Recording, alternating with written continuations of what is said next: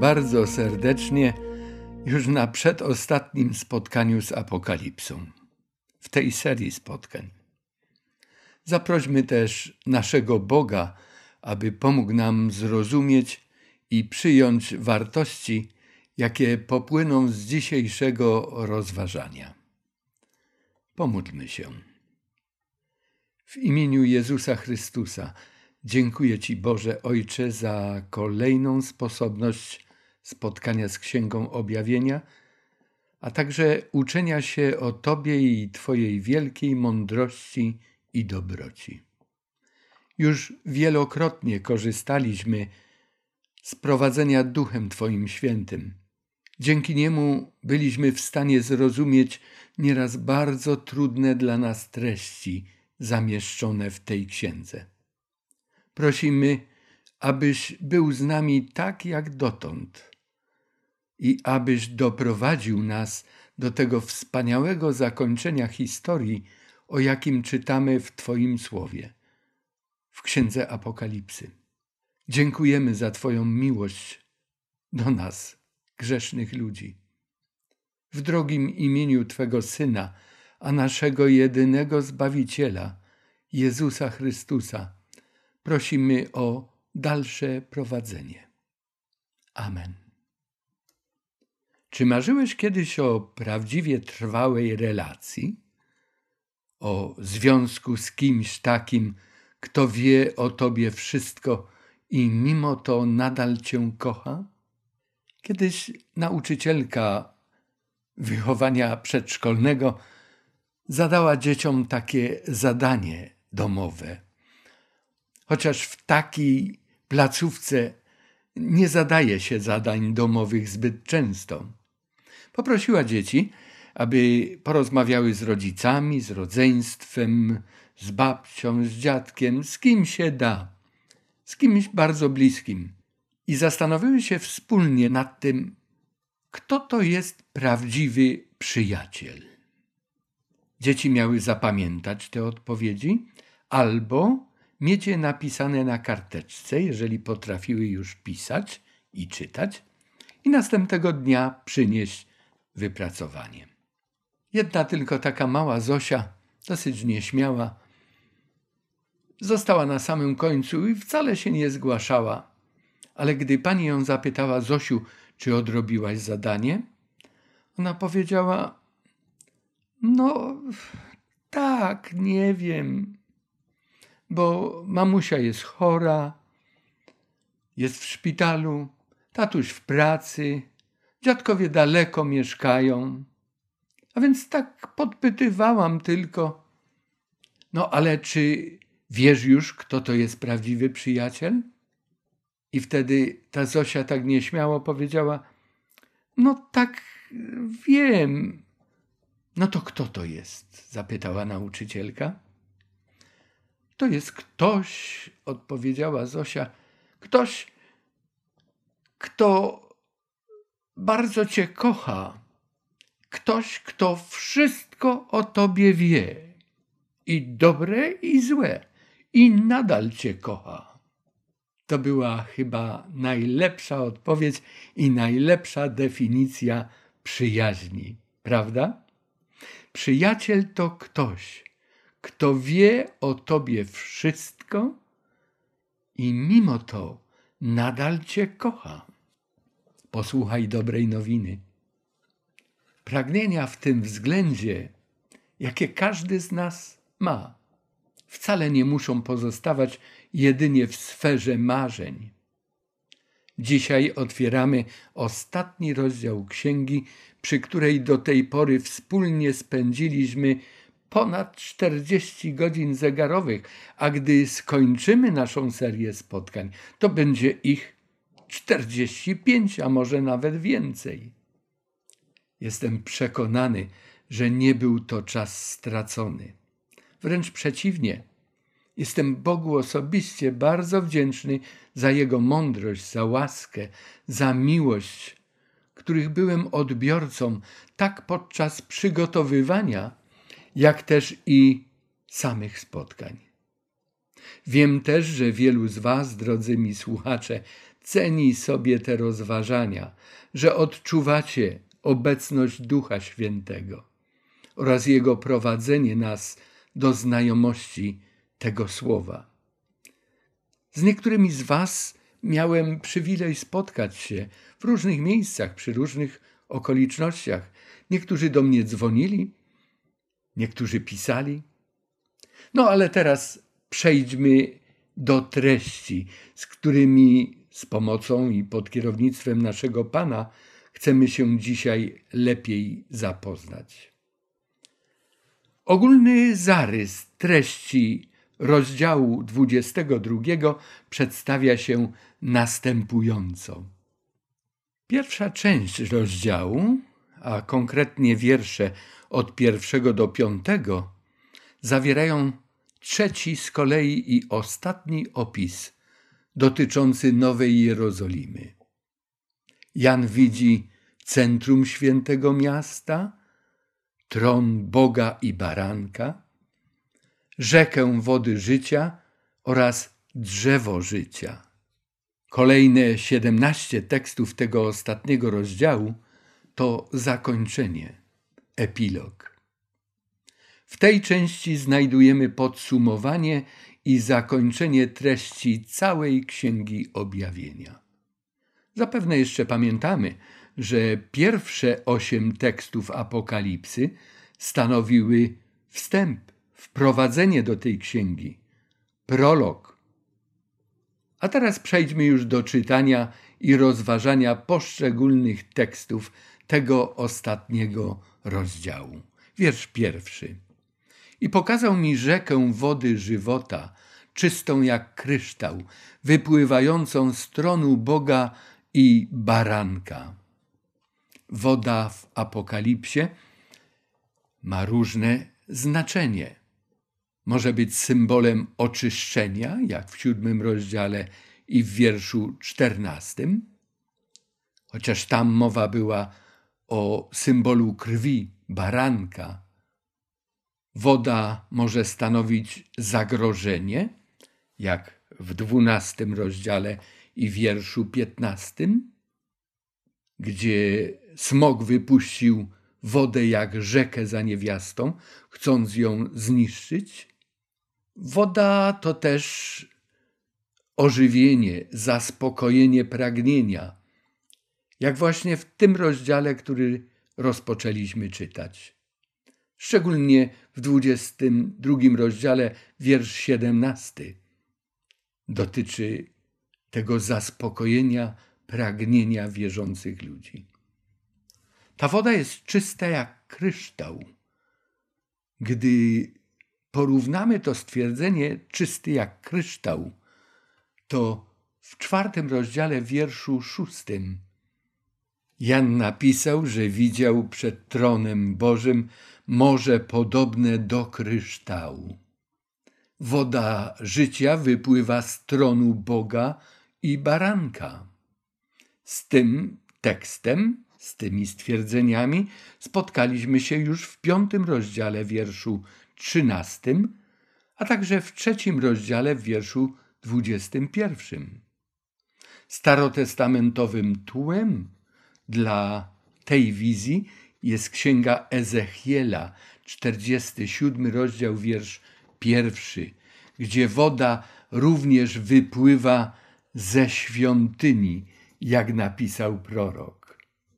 W wierszu drugim czytamy, Jan ogląda na środku ulicy jego, czyli tego miasta, i na obu brzegach rzeki drzewo żywota, rodzące dwanaście razy, wydające co miesiąc swój owoc, a liście drzewa służą do uzdrawiania narodów. A więc mamy tutaj wizję ulicy tego miasta, rzeki tego miasta, drzewa życia. Mowa jest o dwunastu owocach, które co miesiąc to drzewo przynosi i one mają lecznicze znaczenie. W księdze Izajasza w 66 rozdziale, wierszu 22 i 23 czytamy takie słowa: Bo jak nowe niebo i nowa ziemia, którą ja stworzę, ostaną się przede mną, mówi Pan, tak ostoi się wasze potomstwo i wasze imię. I będzie tak, że w każdy nów i w każdy sabat przychodzić będzie każdy człowiek, aby mi oddawać pokłon, mówi Pan. Dwanaście owoców, co miesiąc wydające owoc.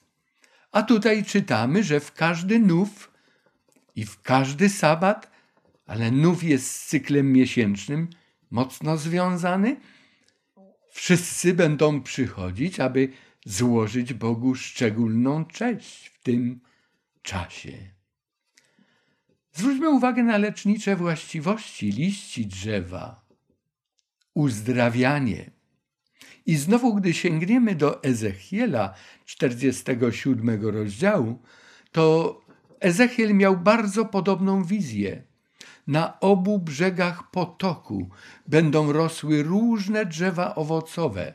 Liść ich nie więdnie, owoc ich się nie wyczerpie.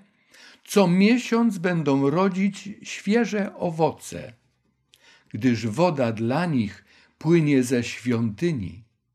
Owoc ich jest na pokarm, a liście ich na lekarstwo. Pamiętamy też, że Księga Rodzaju, opisując rajskie warunki i miejsce, gdzie przebywali pierwsi nasi rodzice, również wspomina o drzewie życia, z tym, że po upadku w grzech człowiek już nie mógł korzystać z tego życia. Nie mógł korzystać z wieczności i zagrodzono mu dostęp do drzewa życia. Teraz ten dostęp na nowej ziemi jest znowu otwarty dla tych wszystkich, którzy zostali zbawieni i znajdują się w tych rajskich, cudownych warunkach, o których tak dużo mówiliśmy na poprzednim naszym spotkaniu. Jaka to woda, jakie to drzewo, jakie to liście, które mają właściwości uzdrawiania. Czy jako ludzie zbawieni będziemy potrzebowali jeszcze uzdrowienia? Na poprzednim spotkaniu wspomniałem to, że jako ludzkość mamy taki poślizg, mamy takie opóźnienie w rozwoju o kilka tysięcy lat. Czy Bóg właśnie chce w tym czasie, na samym początku tego wspólnego pobytu i przez cały jego okres spowodować, że ludzkość dorośnie, dojrzeje, rozwinie się, uleczona zostanie z tego wszystkiego, co ograniczało nasze możliwości. Przeczytajmy ten tekst trzeci. Będzie to powrót do warunków z raju. Będzie to uwzględnienie potrzeby i konieczności wyrównania naszego opóźnienia w rozwoju, jakie przydarzyło nam się właśnie na samym początku. Księga Rodzaju, trzeci rozdział, wiersz 22 i 24 mówi właśnie, że efektem odstąpienia od Boga, efektem grzechu było ograniczenie naszego dostępu do drzewa żywota. Teraz ten dostęp jest otwarty. To drzewo, ta rzeka zaprasza nas. Wiersz trzeci.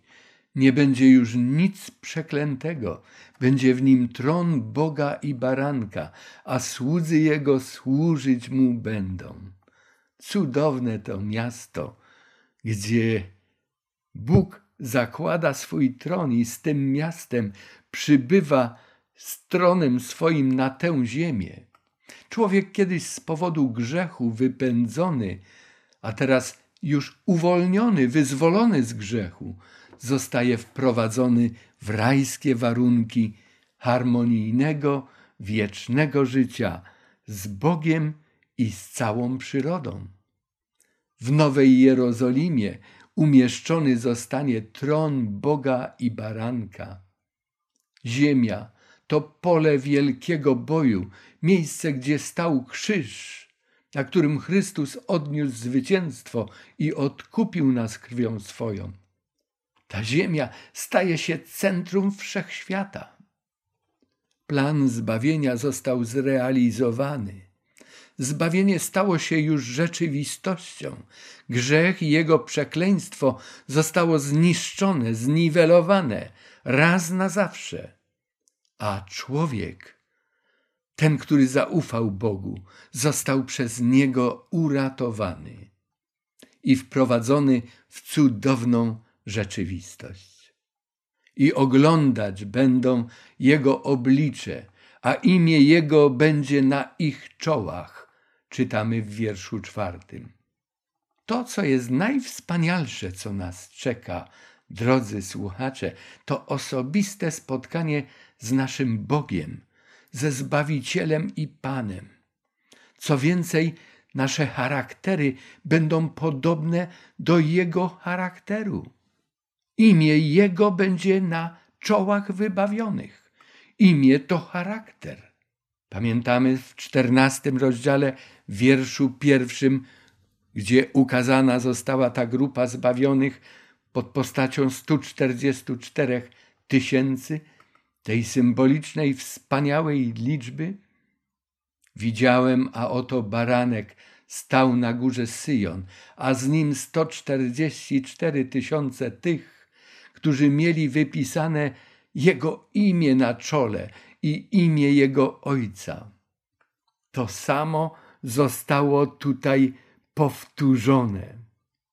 Oglądać to cudowne oblicze naszego Boga. To jest nagroda dla zbawionych w tym czasie, gdy już będą bez grzechu. Wiersz piąty czytam, i nocy już nie będzie, i nie będą potrzebowali światła lampy ani światła słonecznego, gdyż Pan, Bóg, będzie im świecił i panować będą na wieki wieków.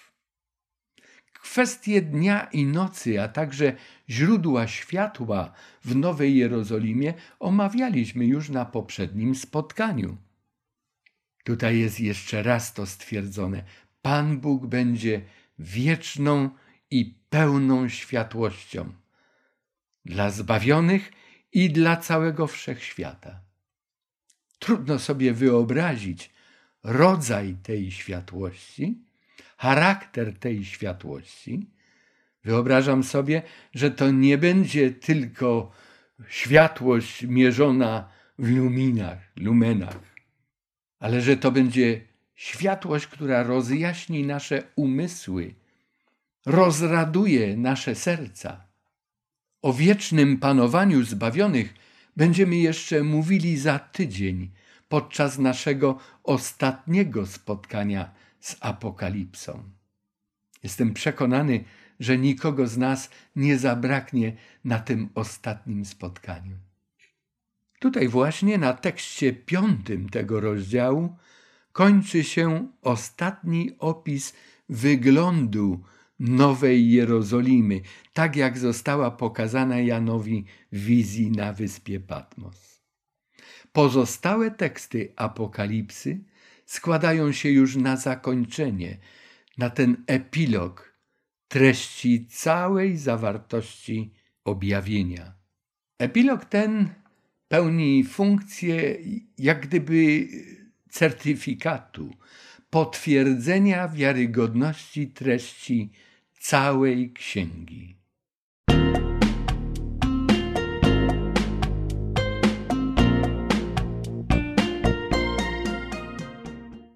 Wiersz szósty.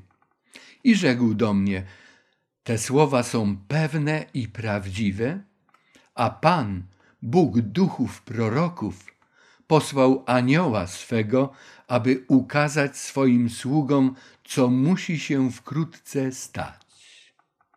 Te słowa są powtórzeniem zapewnienia o odnowieniu wszystkiego, jakie znaleźliśmy już w 21 rozdziale i wierszu piątym.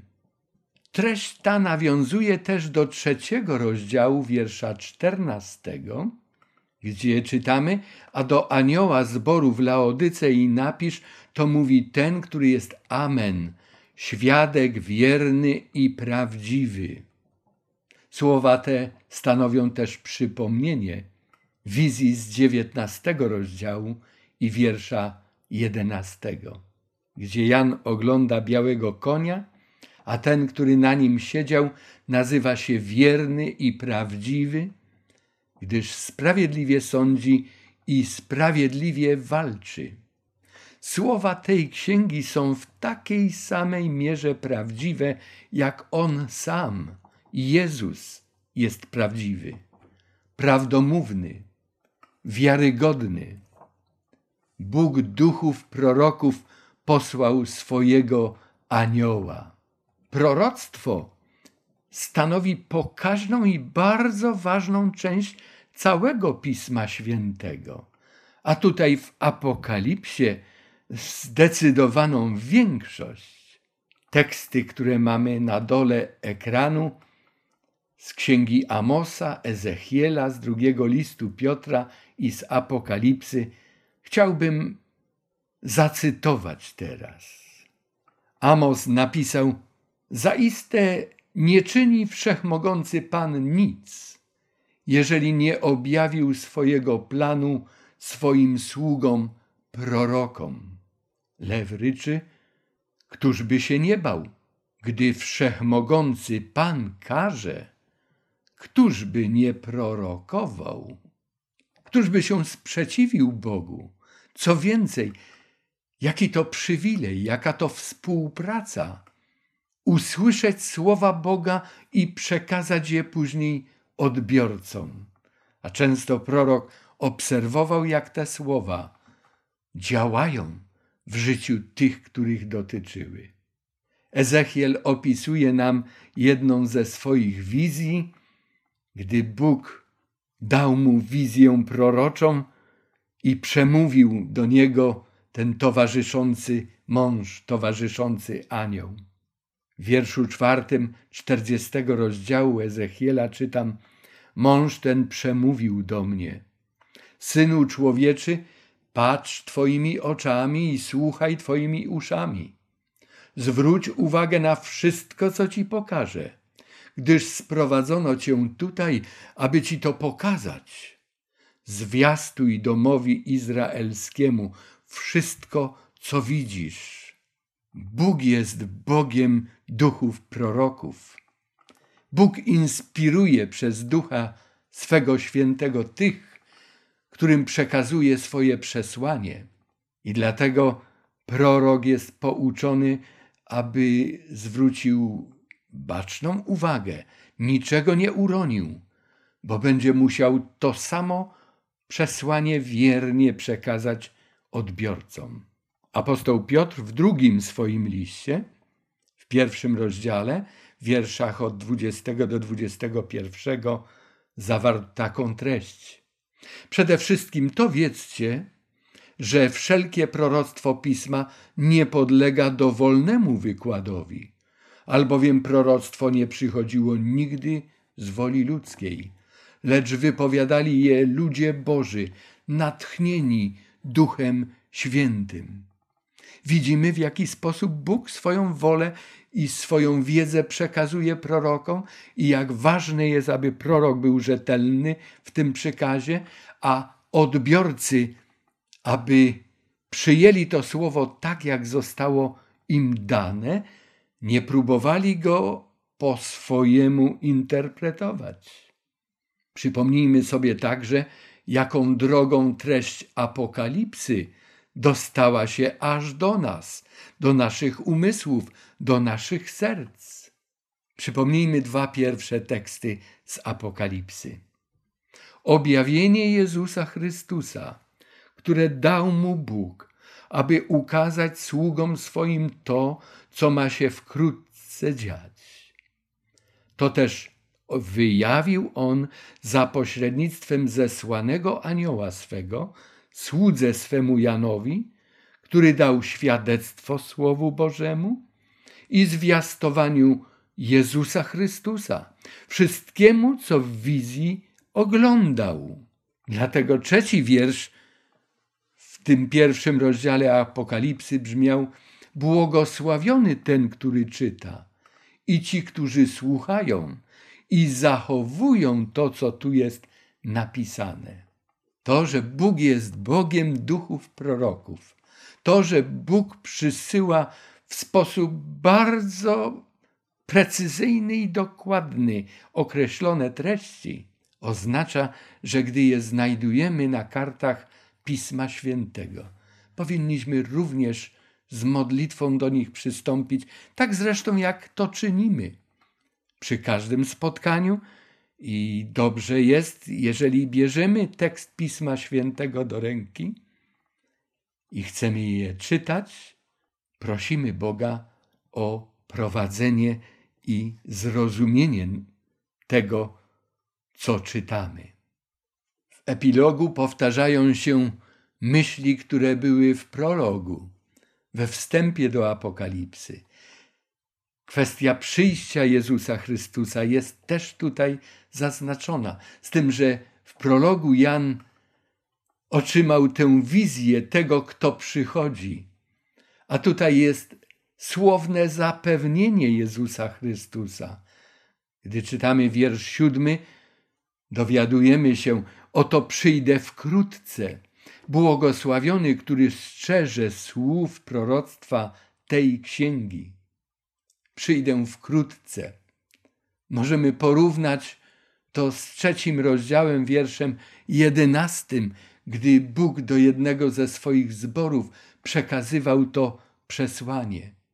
W końcówce 22 rozdziału znajdziemy również w następnych tekstach to samo powtórzenie. I ostatnie wezwanie z trzech wezwań do czujności i do wierności, do czego Bóg nas mobilizuje w tym rozdziale. Błogosławiony, który szczerze słów proroctwa. W Apokalipsie jest siedem błogosławieństw i teksty podane ukazują nam te miejsca, gdzie je znajdziemy. Pierwszym rozdziale wiersz trzeci, czternasty rozdział wiersz trzynasty, w szesnastym rozdziale wiersz piętnasty, w dziewiętnastym rozdziale wiersz dziewiąty, w dwudziestym rozdziale wiersz szósty i ten tekst, który czytamy, siódmy i jeszcze czternasty wiersz w tym samym rozdziale również zawiera błogosławieństwo. Nigdzie one nie są nazwane razem jako siedem błogosławieństw, ale jest ich siedem. To akurat w siódmym rozdziale jest powtórzeniem pierwszego błogosławieństwa dotyczącego znajomości Księgi Objawienia, życia zgodnego z jej zaleceniami, bo to nas chroni przed zwiedzeniami w całym naszym życiu, w całej erze chrześcijańskiej, ale szczególnie zwiedzenia niebezpieczne i groźne są w tych ostatnich dniach. Wiersz ósmy i dziewiąty. A ja, Jan, słyszałem i widziałem to, a gdy usłyszałem i ujrzałem, upadłem do nóg anioła, który mi to pokazywał, aby mu oddać pokłon. I rzecze do mnie, nie czyń tego. Jestem współsługą Twoim i braci Twoich proroków i tych, którzy strzegą słów księgi tej. Bogu oddaj pokłon. Ja, Jan, jest to nawiązanie do prologu, do wstępu. Tam w pierwszym rozdziale, wierszu dziewiątym i dziesiątym, Jan się nam przedstawia jako ten, który został dla Słowa Bożego i świadectwa Jezusowego skazany na wyspę Patmos. Jest to też powtórzenie doświadczenia Jana z dziewiętnastego rozdziału, kiedy zobaczył wspaniałość oblubienicy Chrystusowej, wspaniałość zakończenia wielkiego boju i pragnął oddać cześć aniołowi, który mu towarzyszył w czasie wizji, usłyszał słowa: Jam współsługa Twój i braci Twoich, którzy mają świadectwo Jezusa. Bogu oddaj pokłon, a świadectwem Jezusa jest duch proroctwa. To jest ta charakterystyka, to jest ta wartość, o której czytaliśmy też w dwunastym rozdziale wierszu siedemnastym. Gdy zawrzał smok gniewem na niewiastę i odszedł, aby podjąć walkę z resztą jej potomstwa, które szczerze przykazań Bożych i trwa przy świadectwie o Jezusie. Tak więc widzimy, że w całej księdze Apokalipsy, od pierwszego poprzez dwunasty, dziewiętnasty, aż do ostatniego rozdziału, tekstu, który mamy na ekranie, te myśli się przewijają. Myśli o świadectwie Jezusa, o duchu proroctwa. Jest to cecha charakteryzująca Kościół ostatków. Wiersz dziesiąty. I rzecze do mnie, nie pieczętuj słów proroctwa tej księgi, albowiem czas bliski jest. Nie pieczętuj. To nam przypomina pewne polecenie, które Daniel na koniec wszystkich wizji w dwunastym rozdziale odnotował też w wierszu czwartym. Z tym, że tam Daniel otrzymał polecenie zapieczętowania swojej księgi. Tutaj Jan otrzymuje polecenie, aby nie pieczętował. Księga ta jest otwarta.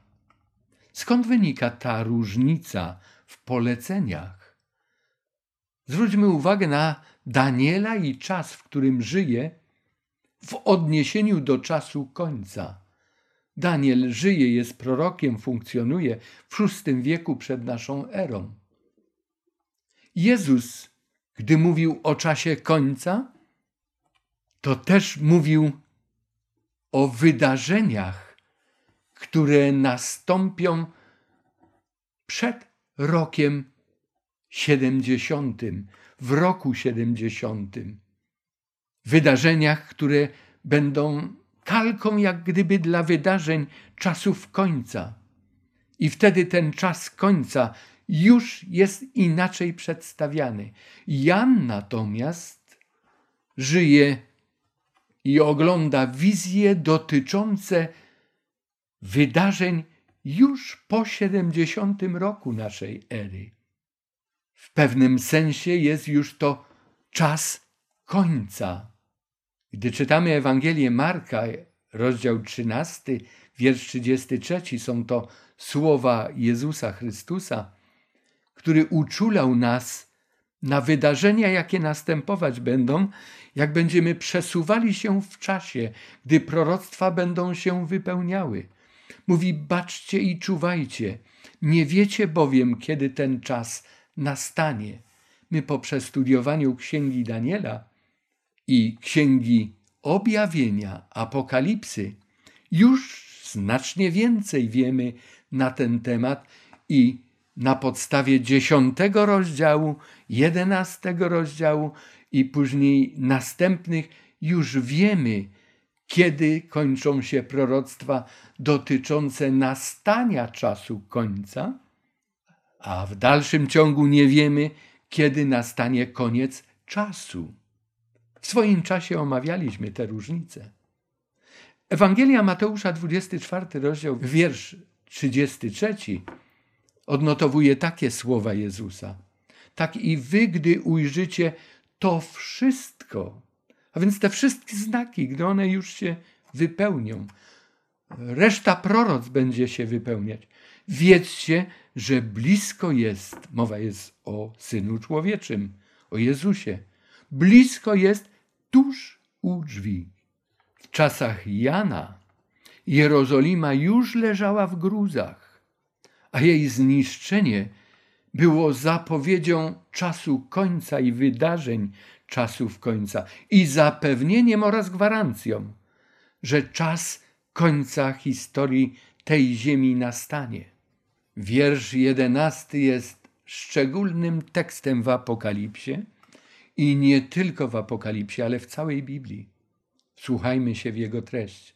Kto czyni nieprawość, niech nadal czyni nieprawość, a kto brudny, niech nadal się brudzi, lecz kto sprawiedliwy, niech nadal czyni sprawiedliwość, a kto święty, niech nadal się uświęca.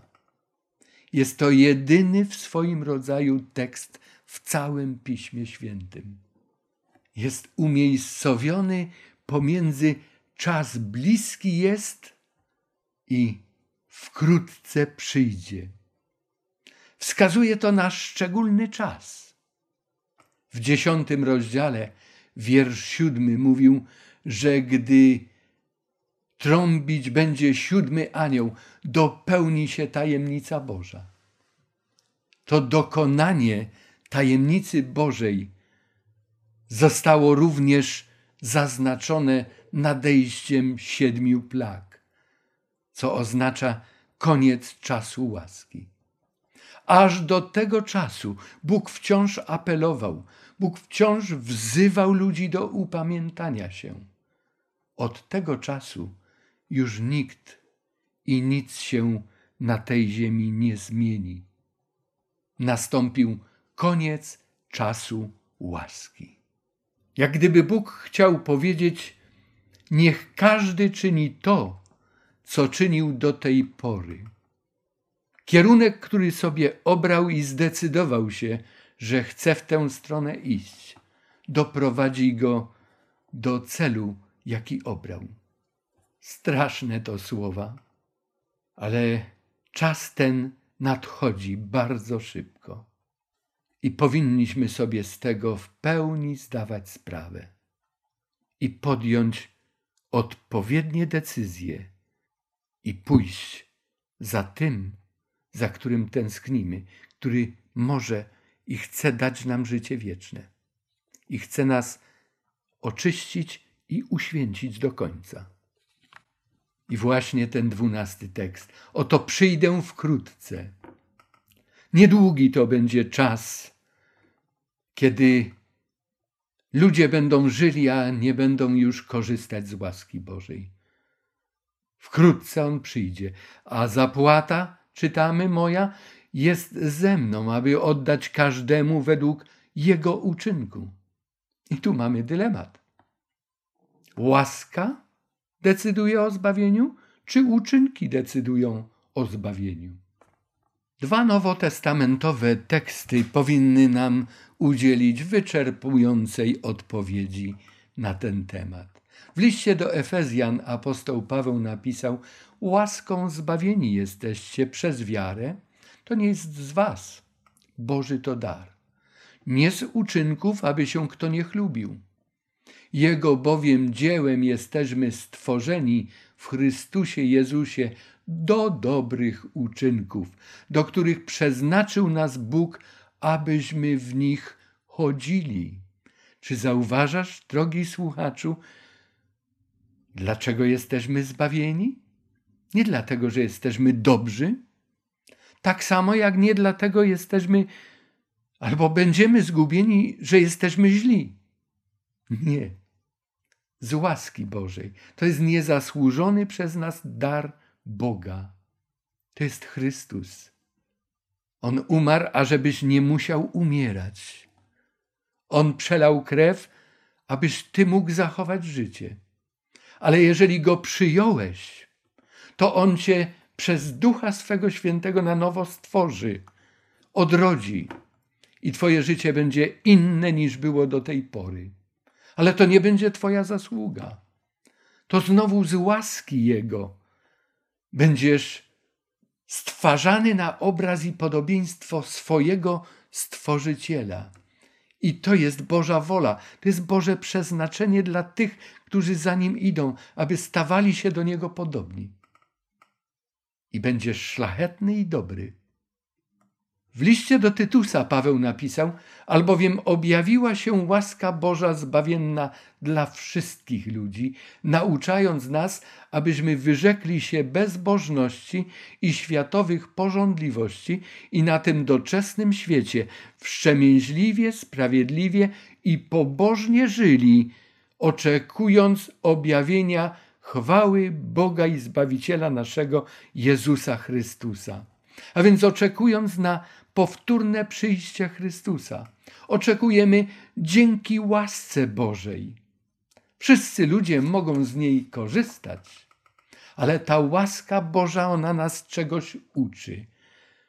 Wyrzeczenia się starego życia, grzechu i podjęcia tej drogi, na której jest wstrzemięźliwość, sprawiedliwość i pobożność.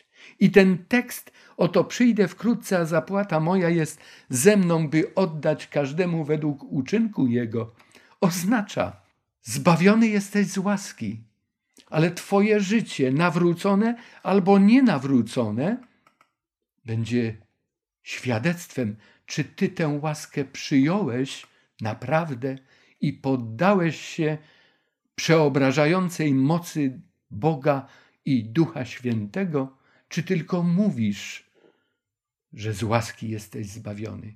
Nie, wtedy Twoje życie, przemienione przez łaskę, zadecyduje, czy to była teoria w Twoim przypadku, czy też rzeczywistość. A więc zbawieni jesteśmy z łaski, ale życie nasze jest świadectwem przyjęcia albo jej odrzucenia.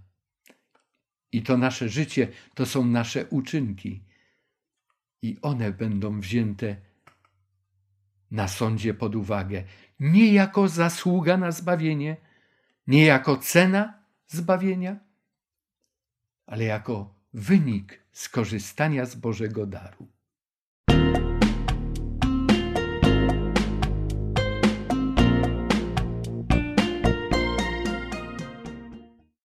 Sąd zajmuje się przede wszystkim naszym stosunkiem do Jezusa Chrystusa.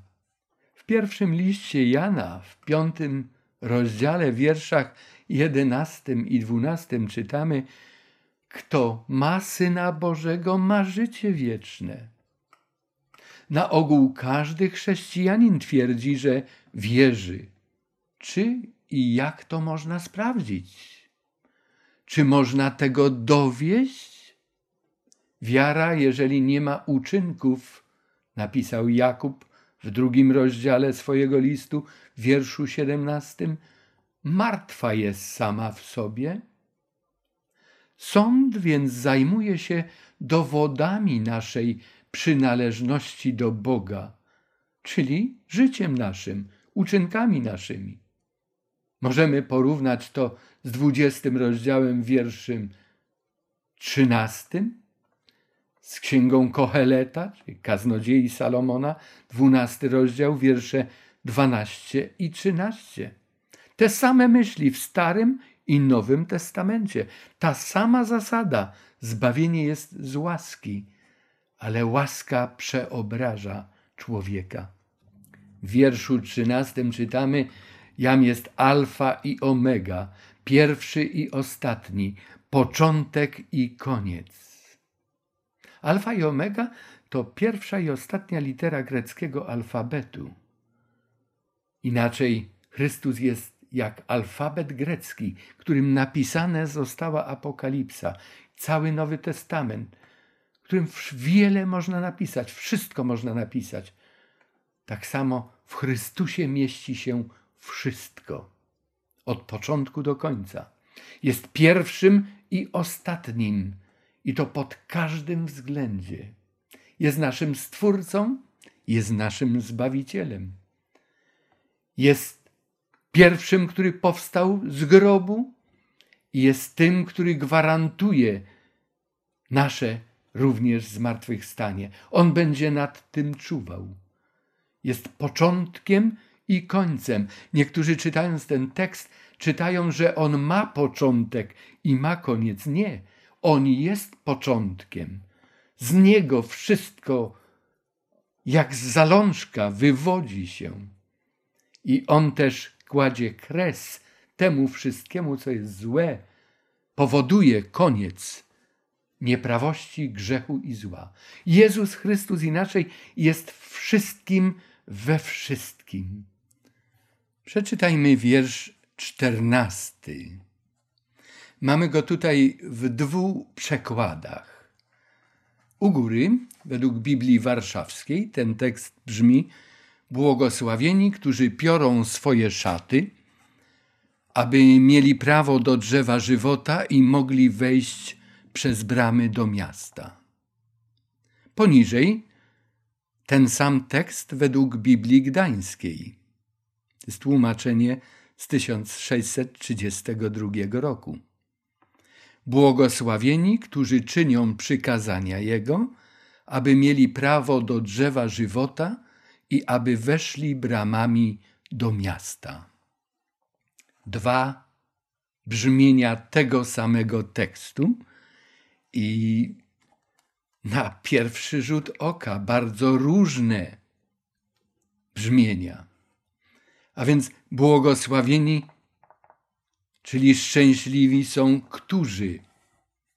W języku greckim oddany ten tekst, który przetłumaczyła Biblia Warszawska, którzy plenontes tas stolas auton, którzy piorą albo płuczą swoje szaty.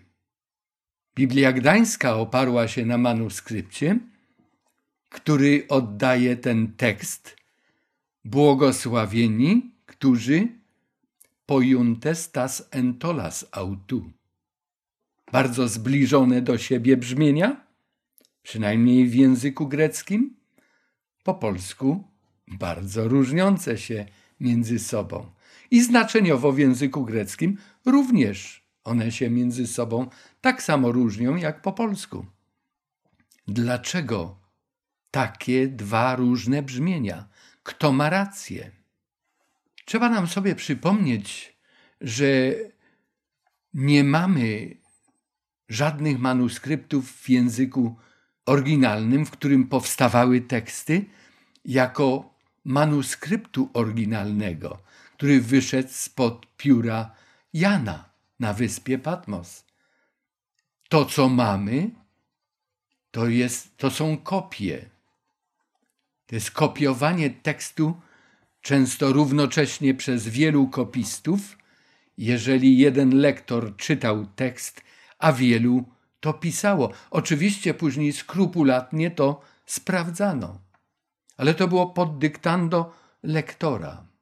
Bywało tak, że jeden kopista miał przed sobą wcześniejszą kopię i ją przepisywał. Pomyłka ze strony człowieka jest możliwa w jednym i w drugim przypadku. Ktoś powie, to Bóg, który natchnął pisarzy, to nie zadbał o to, ażeby ujednolicony był ten tekst w tych kopiach? Nie, Bóg pozwala ludziom też błądzić. I w takim stopniu, w jakim to nie narusza ważnych myśli, które tekst wyraża, Bóg zapewne zadbał o to, aby dla studenta Pisma Świętego tekst był zrozumiały. E, chciałbym zapytać o jedną rzecz. Czy braliście kiedyś udział w takiej zabawie towarzyskiej, e, która nazywa się głuchy telefon?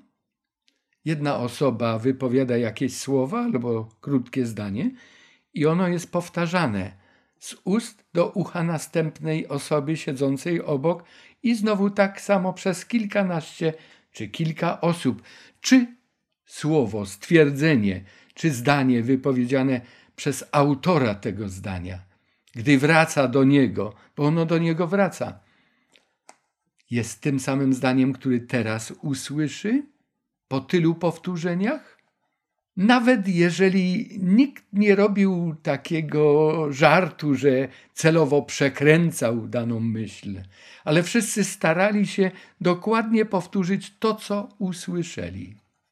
to pomyłka jest każdorazowo niemal gwarantowana. W Apokalipsie, poza tym jednym tekstem, mamy też inne teksty, na przykład w 12 rozdziale wierszu 17 i wierszu 12, gdzie jest mowa o zachowywaniu przykazań Bożych jako charakterystyce, jako cesze tych, którzy należą do Jego Kościoła, do Kościoła Bożego. I to koresponduje z tym stwierdzeniem błogosławieni, którzy czynią przykazania. 22 rozdział, wiersz 14. Ale mamy też w siódmym rozdziale scenę zbawionych przed tronem Bożym i tam jest powiedziane, że to są ci, którzy wyprali swoje szaty we krwi baranka. Dokładnie ten sam zwrot jest tam użyty, co według Biblii Warszawskiej jest tutaj w tym tekście 22 rozdziału wiersza 14. Jak to być powinno? Którykolwiek przekład uwzględnimy, to pamiętajmy, że niezależnie od brzmienia tego tekstu, zasada zbawienia pozostaje niezmienna. Zbawienie jest darmo z łaski we krwi Jezusa. Ta krew nas oczyszcza od popełnionego grzechu. I nasze oczyszczone życie jest życiem zgodnym z wolą Boga, z Jego przykazaniami. I to jest świadectwem prawdziwego przyjęcia zbawienia z łaski. O tym przed chwilą mówiliśmy, gdy rozpatrywaliśmy tę kwestię. Tak więc zbawieni jesteśmy za darmo, z łaski, z łaski Boga, a sądzeni natomiast, oceniani w dniu sądu, będziemy na podstawie tego, czy przyjęliśmy tę łaskę, dzięki której nasze życie zaowocowało dobrymi uczynkami, czy też nie przyjęliśmy. Wielu ludzi może mówić: Ja przyjąłem łaskę, należę do Jezusa Chrystusa. Naprawdę? O tym świadczy życie. I Bóg na sądzie nie będzie słuchał naszych deklaracji. W Ewangelii Mateusza w siódmym rozdziale w wierszach dwudziestych czytamy, że wielu w tym dniu powie mi, Panie, myśmy w Twoim imieniu cuda czynili, demony wypędzali, może uzdrawiali, może językami mówili. A Chrystus mówi: Ja was nie znam. Idźcie ode mnie precz, wy wszyscy, którzy czynicie bezprawie. Właśnie zbawieni jesteśmy darmo z łaski, ale sądzeni będziemy według owoców naszego życia.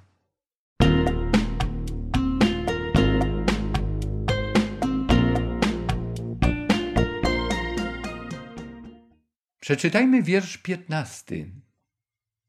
Na zewnątrz będą psy i czarownicy, i wszetecznicy, i zabójcy, i bałwochwalcy, i wszyscy, którzy miłują kłamstwo i czynią je. Jakie to spójne z tym, co czytaliśmy w wierszu czternastym. Ci, którzy przyjęli szatę Jezusa Chrystusa, swoje charaktery obmyli w Jego krwi. Bóg zmienił ich życie. Oni odstąpili od tych wszystkich rzeczy, które tu według wiersza pierwszego nie dopuszczają do świętego miasta czynicieli tych obrzydliwości. Na zewnątrz, czyli poza miastem i poza zbawieniem. Ktoś zapytał, czy psy będą na nowej ziemi, czy nie?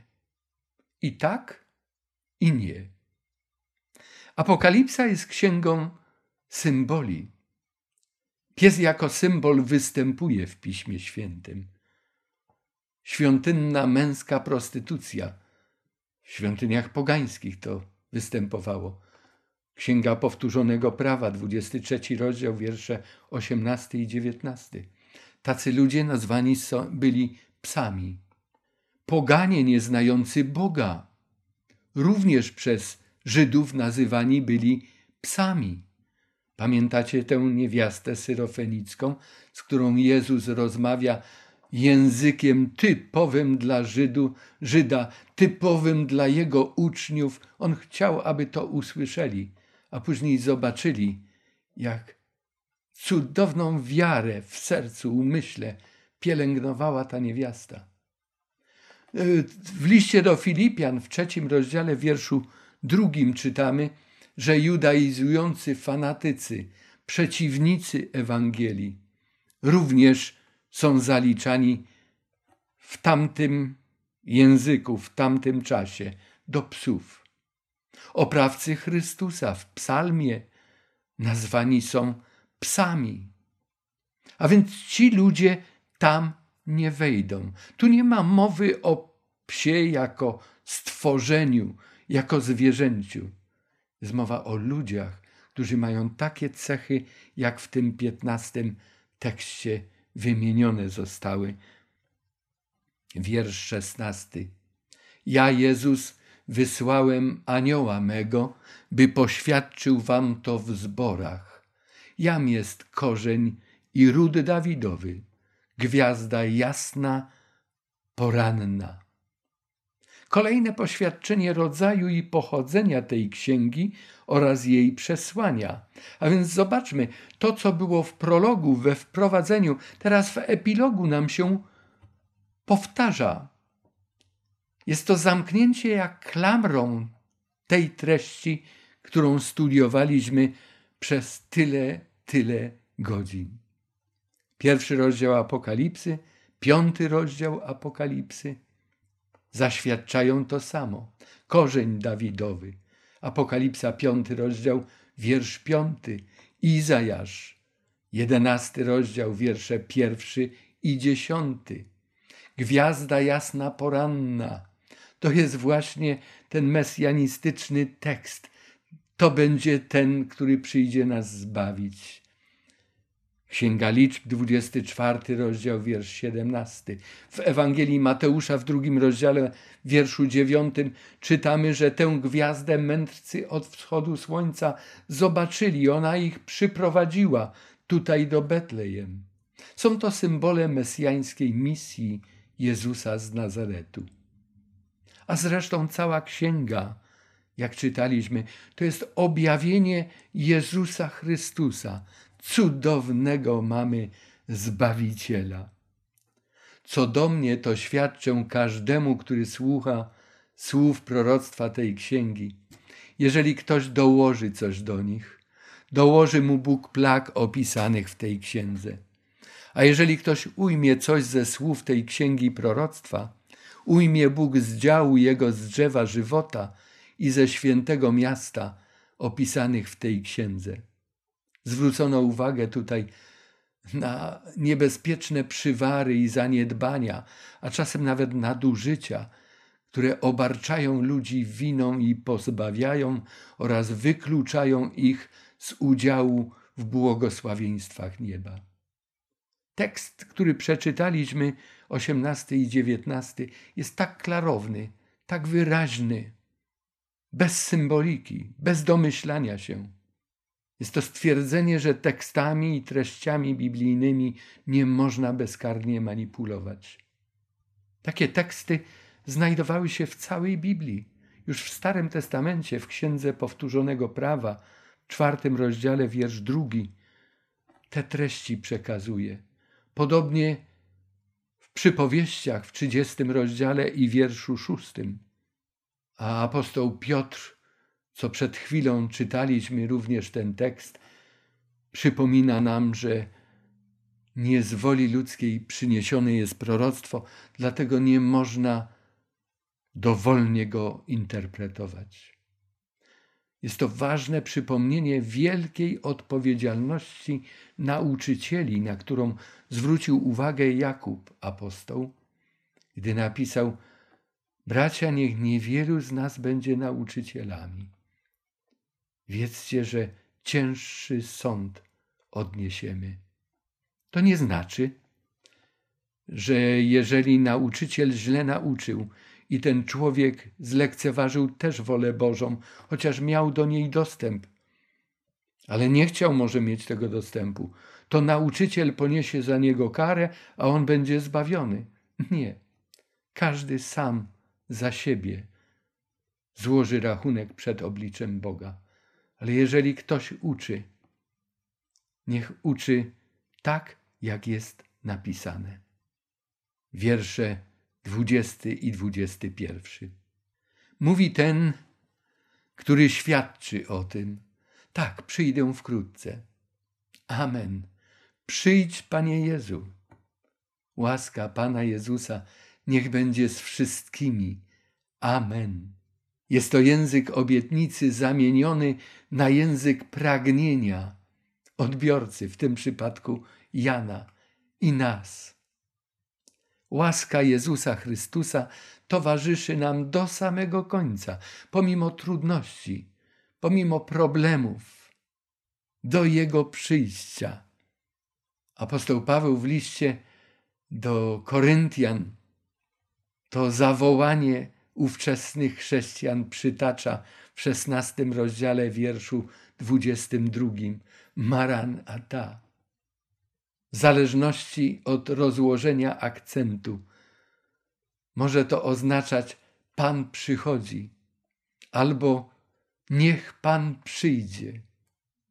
Jest to wyraz chaldejski, który znalazł się w Piśmie Świętym i tej transkrypcji greckiej się doczekał. Może on też oznaczać oznajmienie nadejścia sądu Bożego. Ale z nami jest Boża łaska. Dzięki łasce Bożej jesteśmy zmienieni. Dzięki łasce Bożej jesteśmy bezpieczni. Dzięki łasce Bożej niebo jest naszym niebem. Jezus Chrystus, jak wiemy, przyjdzie jako oblubieniec, a Jan jako przedstawiciel Kościoła, oblubienicy Jego, rozmawiają tutaj z sobą. To jest ostatnia wymiana pragnień spotkania się. Zbawiciel mówi: Przyjdę wkrótce. Jan odpowiada: Przyjdź, Panie Jezu. I kierując ten list, te ostatnie słowa do zborów, do których wysłane zostanie jego przesłanie z wyspy Patmos, życzy im łaski. Napisał łaska Pana Jezusa Chrystusa, niech będzie z wszystkimi. Amen. Ostatnie pozdrowienie dla adresatów. I dla zborów, i dla pojedynczych wyznawców w tych zborach, dla pojedynczych czytelników tej księgi. To życzenie łaska Pana Jezusa Chrystusa niech będzie z wszystkimi. Drogi słuchaczu, obejmuje również nas, Ciebie i mnie. W kontekście tych wszystkich problemów, trudności i kłopotów, z jakimi spotykamy się na co dzień, dobrze jest wiedzieć, że łaska Boża jest z nami że nadal jest dostępna każdemu, kto czyta tę księgę. Kto szuka Boga, kto szuka lepszego świata, takiego, jaki został opisany w ostatnich dwóch rozdziałach tej księgi. Nadal istnieje jeszcze czas łaski. Plagi i ogień dotkną tylko tych, którzy odrzucą Bożą miłość. Zbawienie jest tak blisko nas Bóg nadal przekazuje nam wszystkie informacje o zagrożeniach, demaskuje, ostrzega przed odstępnymi zwiedzeniami szatana. W świetle tych faktów zbawienie nie jest czymś trudnym ani skomplikowanym. Wszystko, czego Bóg od nas oczekuje, to ufności w Jego słowo, to wierności Mu we wszystkich okolicznościach życia. Drogi słuchaczu, tak doszliśmy już do końca księgi, ukazującej nam wspaniałego Boga i Zbawiciela, który nigdy nie zawodzi, lecz zawsze rozumie nasze potrzeby i je zaspokaja. Zawsze stosownie do zagrożeń, jakie pojawiają się na tej ziemi, o których nas powiadamia w Księdze Apokalipsy. On daje pocieszenie, radę, ufność i gwarantuje obecność Ducha Świętego. On rozumie nasze wszystkie potrzeby. On je zaspokaja. Doznajesz tego?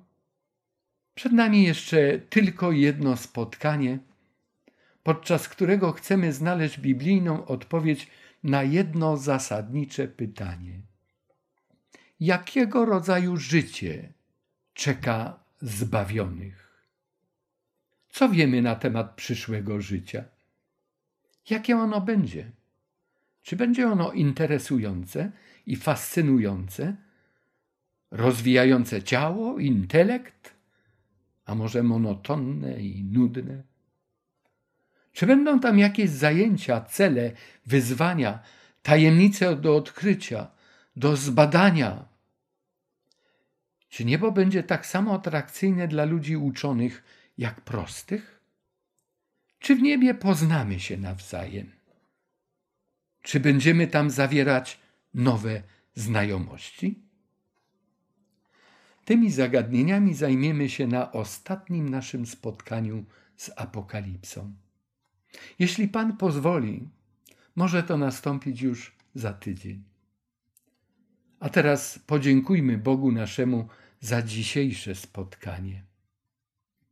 Panie, teraz przy zakończeniu tego spotkania dziękuję Ci za to, że jesteś i proszę, aby pragnienie nasze kroczenia z Tobą było najważniejszą sprawą naszego życia, mojego życia, życia tych wszystkich, z którymi spotykaliśmy się przy czytaniu Apokalipsy. Proszę Cię o to w imieniu Jezusa Chrystusa. Amen. Dziękuję za udział w dzisiejszym spotkaniu. Kolejne spotkanie nosić będzie tytuł Coś więcej na temat życia w wieczności. Zadanie domowe, ostatnie już przyrzekam. Czytamy nadal te dwa ostatnie rozdziały Apokalipsy. Dobrze? Przyswójmy sobie ich treść, przesiąknijmy tymi obietnicami i tym pięknym. Do usłyszenia.